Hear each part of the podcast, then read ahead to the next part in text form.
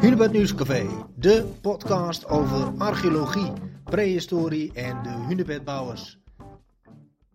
Vandaag spreek ik met Harry Huisman, amateurgeoloog en keienkenner. Harry weet heel veel over stenen. We beantwoorden in deze podcast de vraag: hoe weet je waar een steen vandaan komt? Weet je nu uh, uh, waar een steen oorspronkelijk vandaan komt? Er zit een heel lang verhaal achter, maar dat gaan we dus niet doen.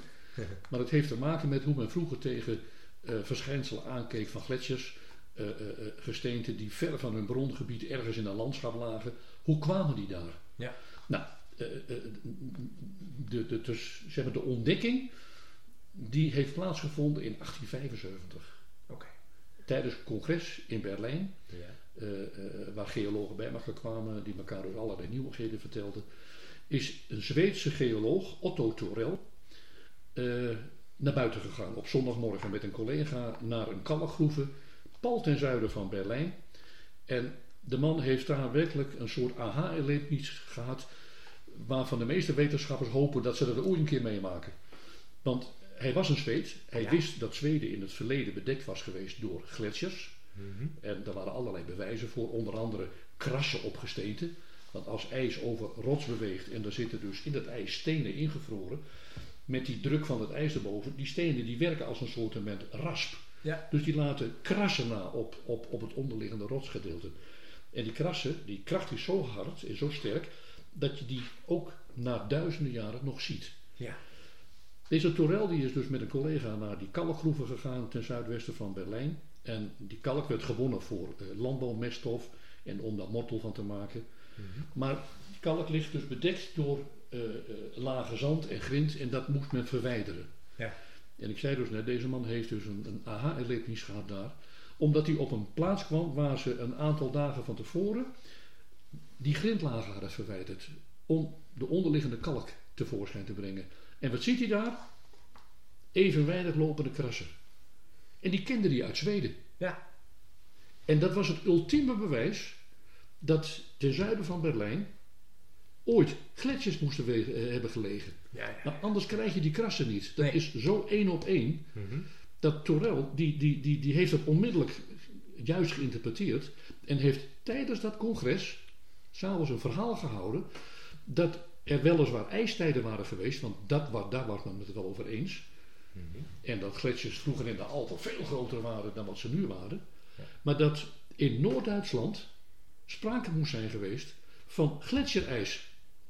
En het leuke is, men vindt in Noord-Duitsland, maar ook hier in Nederland, in Noord-Nederland, ja, duizenden stenen, waarvan al langer bekend was dat ze meer leken op steensoorten uit Zweden en Finland dan op steensoorten uit de Harz of, of uit de Alpen. Ja. En vroeger dacht men, ja, die, die stenen die zijn hier met die zandlagen door de zonvloed na- naartoe gekomen. Hmm. En, en, en, en, en ja, daarom liggen ze daar. Ja. Maar eh, men had in het verleden allerlei eh, ideeën al drijvende ijsbergen die uit de Poolstreken met ingevroren stenen op zuidelijke breedtes gingen smelten en stenen en zand en klei lieten vallen. Mhm. En dat was dan ook zeg maar de reden waarom je in Noord-Nederland deze la- aardlagen en stenen had. Ja. Maar sinds die Torel dat in, in, in, bij Berlijn had ontdekt, is dus in wezen de ijstijdtheorie ontstaan. Dat er dus sprake is geweest in het verleden dat in Noord-Duitsland, maar ook in Noord-Nederland en ook in Polen, want daar vond je dezelfde lagen en stenen, dat daar gletsjerijs moest hebben gelegen. Ja. En die stenen, die herkende men van, ja, dat zijn Scandinavische keien. Da- da- die moeten daar door het ijs vandaan gehaald zijn.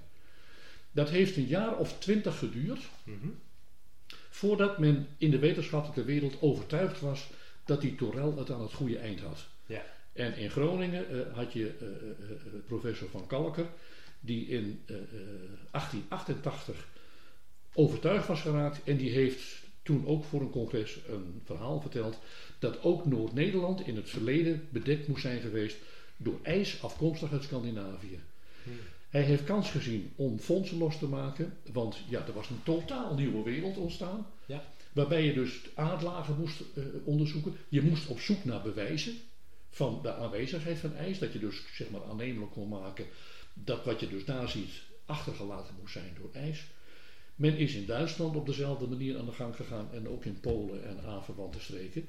Maar eh, eh, Van Kalker, professor Van Kalker, heeft de kans gezien om fondsen los te maken. En er is, er is- in Groningen een compleet nieuw instituut van de grond gekomen.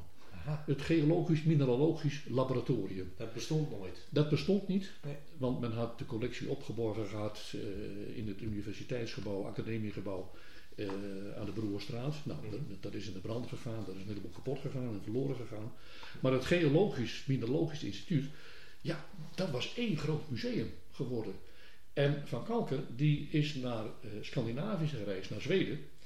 En heeft daar vooral onderzoek verricht aan, aan, aan oude basalten die daar in Zuid-Zweden voorkwamen. Want hij kende ze ook uit de Leem in de stad Groningen. Want met name in de stad Groningen heb je te maken met een uitloper van de Hondsrug die ontzettend rijk is aan stenen. En, en, en de, de pleinen en de straten en de kaders in de stad, die waren gewoon ja, geplaveid met zwerfkeien Ja. die uit de bodem kwamen. Mhm. Nou, eh, Van Kalker was een man die hield, hield zich bezig met stollingsgesteenten. En zijn collega's hielden zich bezig met kalkstenen met fossielen erin. Mhm. Nou, Van Kalker is dus een paar keer naar Zweden gegaan en die heeft dus gewoon monsters genomen van rotsen die daarvoor kwamen. Die heeft hij meegenomen naar Groningen, is die gaan onderzoeken en gaan vergelijken met de basaltkeien die hij in de bodem van Groningen had gevonden. Ja. En daar kwamen dus overeenkomsten uit naar voren. Want je maakt dan van zo'n steen een slijplaatje, dat wil zeggen je, haalt, je zaagt er een klein stukje af. Ja. Dat slijp je helemaal af. Ja, je plakt het op een glaasje, maar dat slijp je dan helemaal af tot je er doorheen kunt kijken. En met een bepaalde techniek kun je dan ontdekken welke mineralen er in basalt zitten. Aha. Want basalt is namelijk een lavagesteente en is zo Mhm. snel afgekoeld dat je met het blote oog geen enkel kristalletje tegenkomt.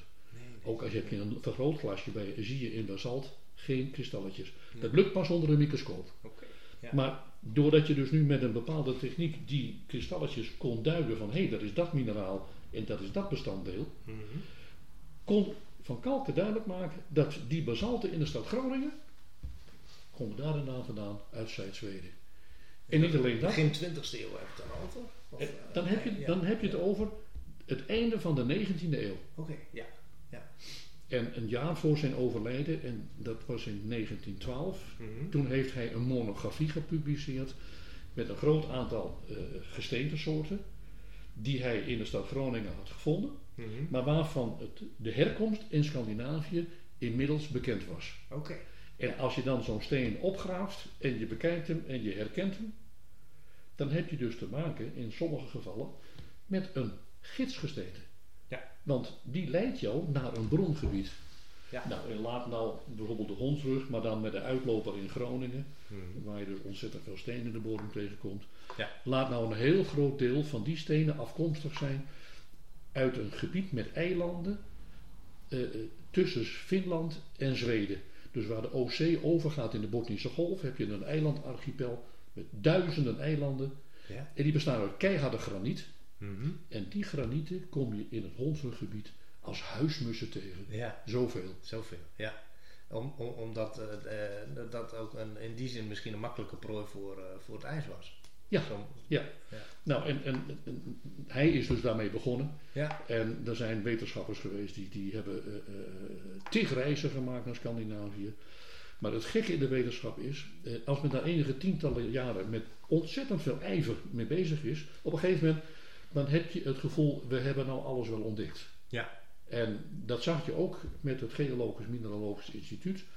In de jaren na 1920 verflauwde dus de aandacht voor ijstijdafzettingen, voor zwerfstenen. Eh, dat maakte plaats voor andere onderzoekingen. Ik dacht, we zijn er wel. En Ja. het leuke is, eh, toen kwam ook de natuurstudie op. Hè, natuurvrienden die, die, die met zich met planten en met vogels en met zoogdieren bezig hielden. Ja.